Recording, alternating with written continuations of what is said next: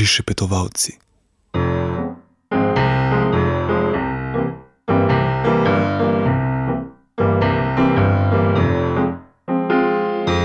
Želim živeti brez skrbi in tu jaz tiskam me ne briga. Vem, kar je treba vedeti. Življenje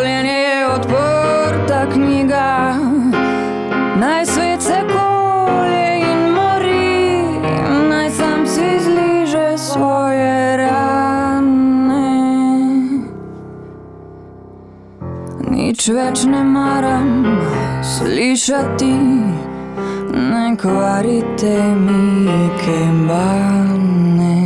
Največ je vreden mir, največ je vreden mir.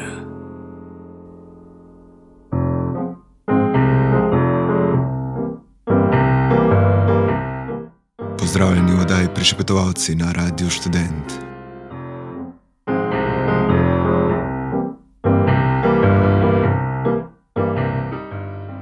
Ko je Marjan Šarec končal svoj znameniti parlamentarni govor ob ustavni obtožbi, za katero tudi v SDS niso več vedeli, zakaj so jo vložili, kaj hočejo z njo doseči in zakaj se jim vse to sploh še da, se je nenadoma usulo. In jasno, najbolj se je usulo prav na tisti svetovno-nazorski sceni, ki najbolj hrepeni po tem, da bi končno vedela, kaj si želi. Najprej v parlamentarni dvorani. Če je Miha Kordiš še zmogel dovolj načelnega resentimenta, da je roke kvazi ležerno sklenil za vrat, so se drugi prisotni poslanci levice, zlasti Nataša Sukič in Violeta Tomič, končno prepustili spontanemu aplauzu, ki so ga na rezervi držali že od predsedniških volitev. In ko se je večina poslank in poslancev v dvorani še malo medila ob ugotovitvi, da so poleg članstva v lastni stranki povsem brez protislovja postali še člani Šarčevega neformalnega političnega kolektiva, ki daleč presega njegovo lastno stranko in se z njo celo precej slabo ujema, takrat se je usulo še na Facebooku.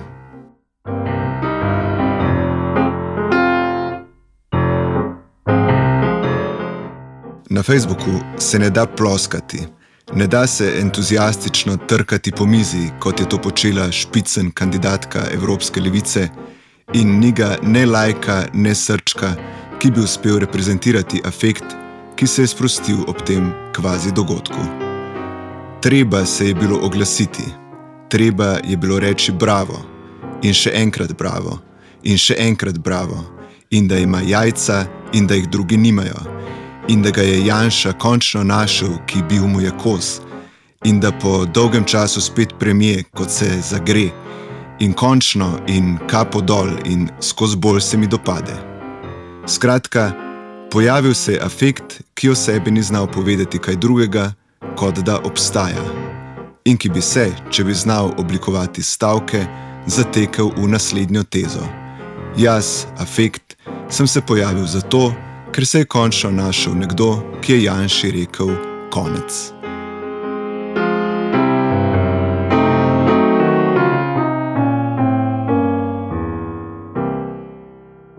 Kot je znal povedati že Freud, afekt sam po sebi ne laže. Mogoče je sicer, da se modificira in prikrije svojo bolj realno podobo, a v nobenem primeru se ne pojavi preprosto brez razloga. Vtis, da je afekt pretiran, da je napihnjen, da se nekako ne sklada s tem, na kar naj bi se navezoval, je zgolj narobe obrnjena diagnoza. Afekt je ustrezen. Problem je zgolj v tem, da ne poznamo njegovega dejanskega vzroka.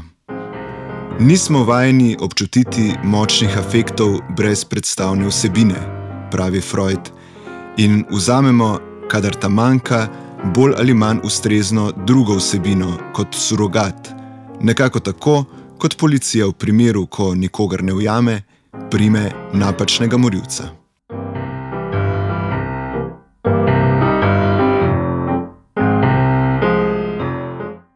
Če se torej čudimo, kako je mogoče, da je kot da povsem unikatna, dejansko pa že popolnoma zlajnana oblika proti napada na Janša in SDS, pri poslancih in Facebook množici uspela proizvesti tako intenzivno ekstazo, ne smemo posumiti v samo ekstazo, temveč moramo premisliti njene dejanske razloge.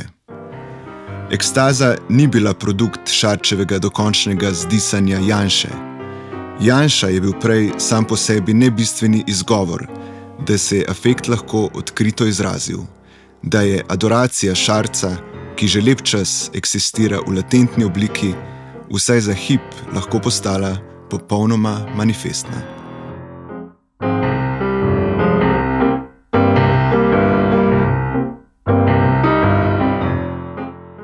Moment, ko je Šarec zabil Janšo, moment, ki naj bi predstavljal prvi primer take geste, pa čeprav so bili mnogi nedolgo nazaj podobno ekstatični, ko ga je zabil mesec, je skratka zgolj dokončno razkril to, kar je že dolgo jasno.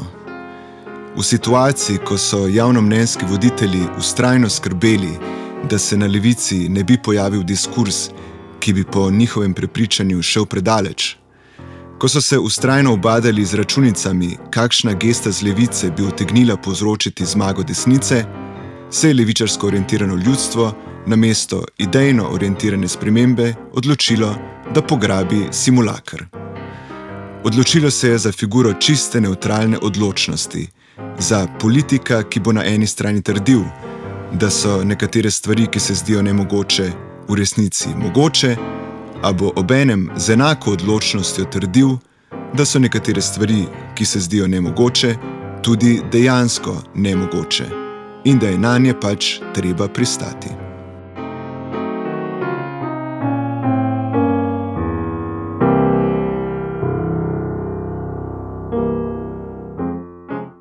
In ker šteje čisti zaznamek odločnosti, ker nikogar ne zanima, kaj je tisto, kar šarec želi doseči v totalu, bomo odločnost kot pozitivno zaznali povsem selektivno. Le v tistih momentih, torej, ko bo videti, da govori v našem imenu. Ko bo svoj tvitajte do onemoglosti, meni je vseeno, usmeril v desnico, ga bomo vzeli za častnega predsednika koalicije proti sovraštvu. Ko pa je z istim, le da implicitnim tvitajte do onemoglosti, meni je vseeno, odgovoril na zahteve po zamenjavi črnčeca, smo se v tem priučili videti pragmatizem. V resnici si zgolj želimo, da bi bil simulakr tudi naš dogodek. V resnici se zgolj nočemo odreči temu, da bi ugodje, ki nam ga nudi šarec, prepustili drugim. A ker se to ne ujema povsem z našim prepričanjem, da si globoko v srcu želimo resnično spremembo, resnično levo politiko, resnično spremembo sistema itd. itd., bomo to gesto prestavili v povsem drugačen register. Ta gesta ne bo več hiba, ne bo več izraz nepremostljive razlike med njegovo in našo politično orientacijo, temveč bo povzdignjena v objektivno nujnost. Na enak način, kot bo objektivno nujna postala plapolajoča slovenska zastava na njegovem Facebook profilu, ki bi jo pri vsakem drugem politiku, tako smo bili pač navajeni, razumeli kot neokusen ultranacionalizem.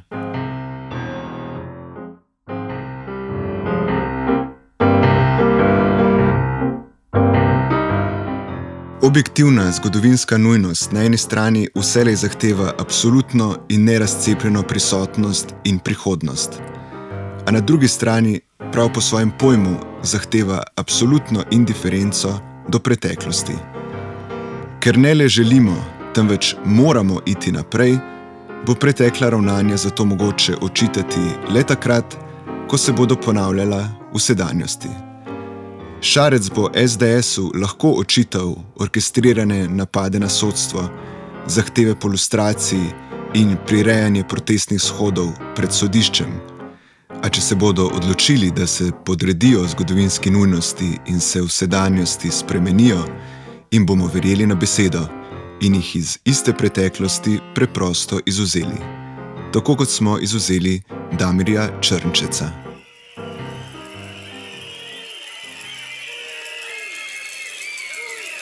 Očitno slovensko pravosodje bolj skrbijo psi kot ljudje. To ni sojenje v imenu ljudstva, to je sojenje proti ljudstvu.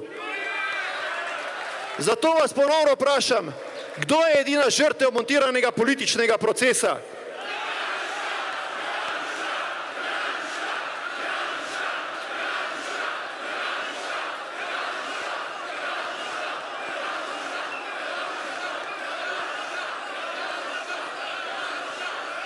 Uspelo jim je, da so nas uspavali, brez skrbi, upanje imamo, pravico še čakamo in na to bo nastopila svoboda. Kajti mislili smo, da zares živimo v moderni demokraciji, socialni in pravni državi v Evropski Sloveniji. Žal vsi skupaj ugotavljamo, da temu ni tako. Zato je nastopil čas, čas za drugačno Slovenijo čas za pravično, čas za pravično, čas za pravno, čas za prebujeno, čas za prerojeno, čas za prenovljeno, čas za svobodno. Kdo je edina žrtev politično montiranega procesa?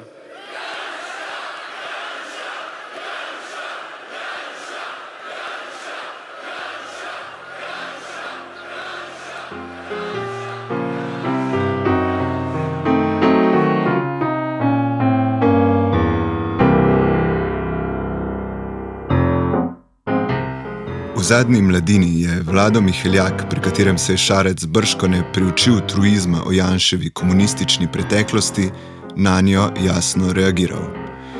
Zigmund Freud, piše Miheljak, je kratki sestavek v tako imenovanih tehničnih spisih naslovil Zerinnern, Wiederholen und Durcharbeiten, kar je pravzaprav enovrstični recept psihoanalitične kure.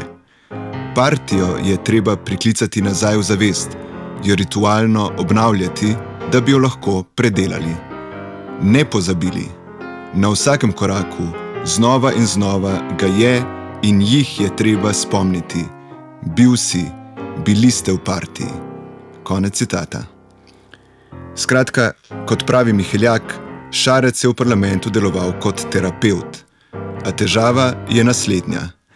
Medtem ko proces Durcharbeiten lahko poteka le v analitični situaciji in ne prenaša sugestivnega pospeška strani analitika, se izsiljeni politični Durcharbeiten lahko izteče le v eno: v gradnjo nove partije.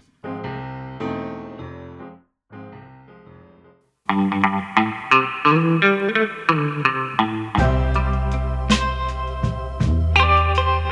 in my life. I realized I had to make a choice. So I decided to make this choice. Mm-hmm. Listen, y'all. I'll take the long road. I'll take the long road. Whoa, I'll take the long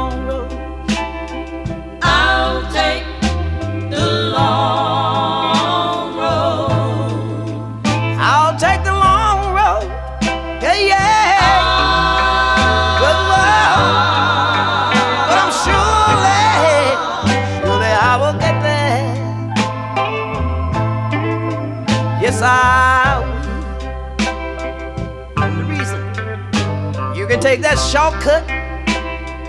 I'll take the long road. I don't mind. You can take that shortcut.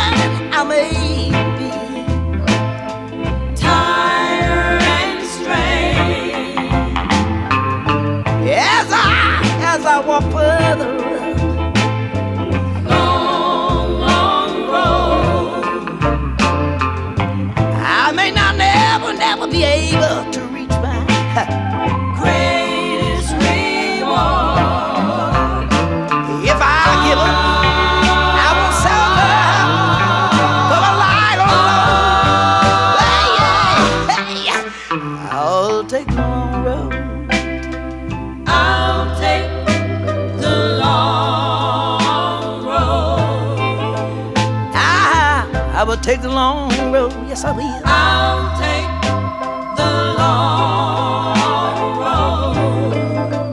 I'll take the long road. Yeah, yeah.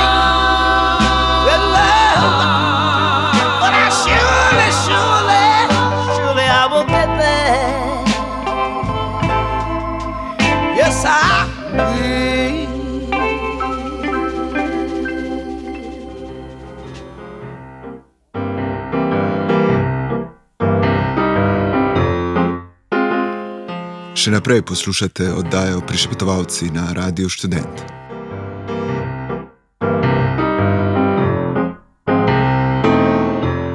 Ob triumfu Marjana Šarca bi bilo najbrž mogoče postaviti tudi bolj optimističen argument. Po njem Šarec sam na sebi seveda še ni to, kar želimo. Seveda nas pri njem marsikaj moti, seveda nam ni simpatična njegova vsebina, seveda bi raje videli, da bi se kakšnim potezam odrekel, a njegovo pojavitev moramo vzeti v dinamičnem smislu, kot akterja, ki se je pojavil in ga bomo v tej funkciji provizorično podprli, a le kot nosilca širše spremembe, kot tistega torej, ki bo odprl prostor pravi vsebinski spremembi, ki si jo tako želimo. Da se je v okoliščinah popolne politične revščine, ko so bili v status starih političnih mačkov povzdignjeni politični amateri tipa Miro Cerar in Dejan Židan, da se je v teh okoliščinah enostavno moralo pojaviti nekaj novega, je brez dvoma dejstvo. Prav tako se je slejko prej morala končati situacija, ko je javno mnenje od ankete do ankete in povsem brez povezave z realnim dogajanjem begalo med eno, drugo in tretjo stranko. A če se je javno mnenje zdaj prešilo, če je bilo odrešeno tehtanja in lahko podpre vsaj šarca, če že ne podpre ali še ne podpre tudi njegove uradne stranke, čemu bi se temu odreklo?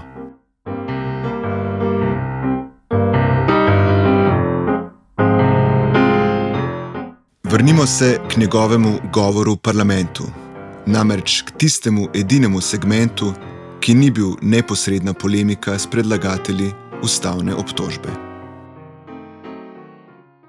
Slovenske javne šole so dobre. Ne govorim na pamet, pač pa to kažejo rezultati mednarodnih raziskav. Verjamem, da jih znate brati, pa vendar jih bom nekaj naštel. V raziskavi bralne pismenosti so desetletniki dosegli nadpovprečne rezultate, napredek na tem področju je bil v zadnjih 15 letih velik. Rezultati raziskave PISA 2015 kažejo stabilnost naravoslovnih ter porast matematičnih in bralnih dosežkov, pri čemer slovenski šolari na vseh področjih pismenosti presegajo povprečje držav članic OECD. Tako so na lestvici povprečnih dosežkov naravoslovne pismenosti naši učenci med 72 državami dosegli 13. mesto in pri tem prehiteli vrstnike iz vseh evropskih držav, razen estonskih in finskih. Pri matematični pismenosti je bil leta 2015 dosežek slovenskih šolarjev pomembno višji kot tri leta prej in hkrati tudi pomembno višji od povprečja OECD, med evropskimi državami pa sta se više uvrstili zgolj Švica in Estonija. Izboljšali in to zelo so se tudi dosežki v bralni pismenosti. Še leta 2012 so bili slovenski učenci pod povprečjem držav OECD, leta 2015 že nad povprečjem. In še raziskava TIMS 2015. Tudi ta kaže na odlično znanje matematike in naravoslovnih predmetov. Slovenija je dosegla zelo visoke rezultate, osmošolci so pri naravoslovju dosegli peti najvišji dosežek, gimnazijci, ki so za maturitetni predmet izbrali fiziko, pa so v fiziki dosegli celo prvo mesto. Naj bo dovolj. Ti rezultati o kakovosti slovenskega šolstva govorijo sami zase in sicer, da je javno šolstvo dobro. Naj ob tem priznam, da se včasih sicer vprašam, ali so šolski programi povsem ustrezni, ali morda ne silijo k piflariji, ali ni v njih preveč pomnjenja in premalo spodbujanja otrok in mladih k razmišljanju. Skratka, ali niso učni načrti prenatrpani in prezahtevni. Vzgoja, ki je sicer prvenstveno naloga staršev, je iz šol že skoraj da povsem izrinjena, ker je vse podrejeno nenehni borbi za ocene. Večina se po končani devetletki upiše na gimnazijo, kdor se ne, je označen za manj vrednega. Neka psihoza vlada. In žal jo pomagajo ustvarjati nekateri celo izdatno, tudi ambiciozni starši, ki svoje otroke silijo in delajo namesto njih, s tem pa jim, ne da bi se tega zavedali, povzročajo neizmerno škodo. K učiteljem se prihajajo celo prerekati za ocene, ob koncu šolskega leta s seboj nemalo krat pripeljejo odvetnike in trgujejo za uspeh svojih otrok. In to njim v škodo, vsaj v veliki večini primerov.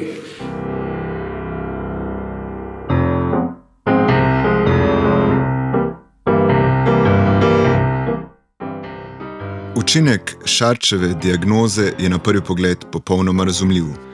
Tudi tisti, ki jim Šarec ni pretirano simpatičen, so najbrž pomislili. Seveda ne gre za kakšno veliko ugotovitev, a treba je priznati, da je to, kar govori, preprosto res. O praksi odvetniških posredovanj v šolah smo nedvomno že slišali. In prav tako smo nedvomno že slišali zgodbe o pretirano ambicioznih starših, ki skupaj z otroki ali namesto njih rešujejo domače naloge in ki skupaj z otroki ali namesto njih rišejo in printajo plakate. In seveda, prav tako smo nedvomno že slišali o tem, da so šolski programi prenatrpani in da šola ne usmerja k razmišljanju, temveč k piflariji.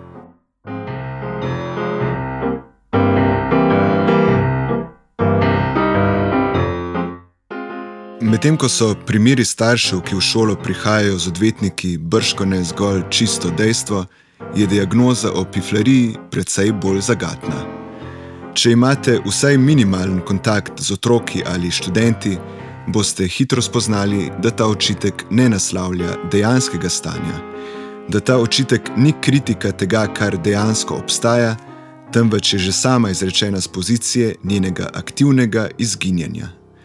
Drugače rečeno, ne naslavlja sedanjosti, temveč je njena lastna deklaracija, je v nazajšnji izgovor za to, da pifranje, ki v tej perspektivi označuje kakršno koli učenje na pamet, brez slabe vesti opustimo.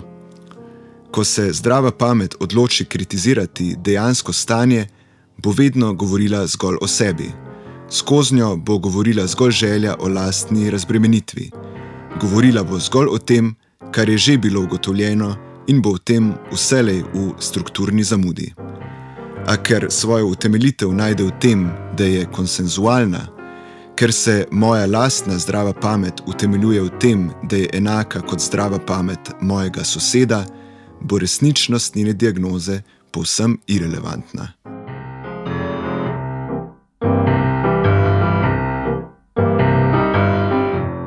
Politika, ki se postavlja na tovrstnih diagnozah, bo po strukturni nujnosti nezmožna proizvesti realno spremembo. Nujno bo nastopila kot podpornik statusa quo.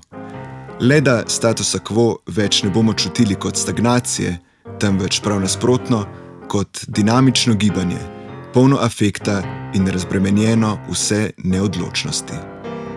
Zdrava pamet ni instrument statusa quo, temveč prej njegova artikulacija. Šarčev populizem v tem smislu torej ni le dodani populistični element, temveč nenadejana prenova sredinske politike. Če se je za sredinsko politiko dolgo zdelo, da lahko zgolj še presahne, se njena populistična artikulacija, ki je diagnoza o razmahu populizma, noče in noče videti, ne pokaže le kot nenadejno preživetje zdaj dinamične sredine, temveč kot morda najbolj čista, najbolj formalna in najbolj daljnosežna oblika populizma. Če populizem obstaja, obstaja tudi sredinski populizem. In ko začne obstajati, se v njem lahko znajdemo tudi brez odločitve in brez zavedanja. Želeli smo doseči daljnosežno spremembo.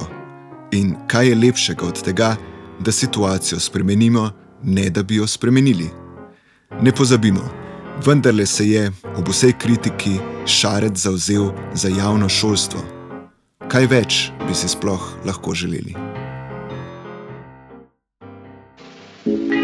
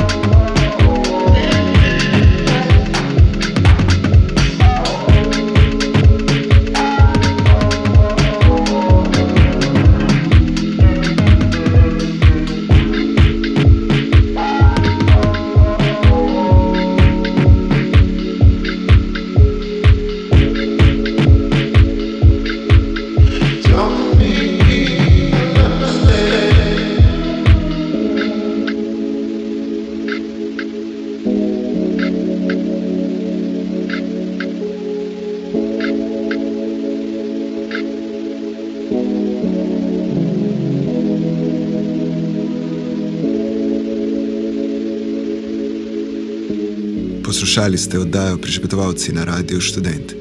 Pripravila so jo Aleš in Tadej, tehniciral je Luka. Prišpetovalci.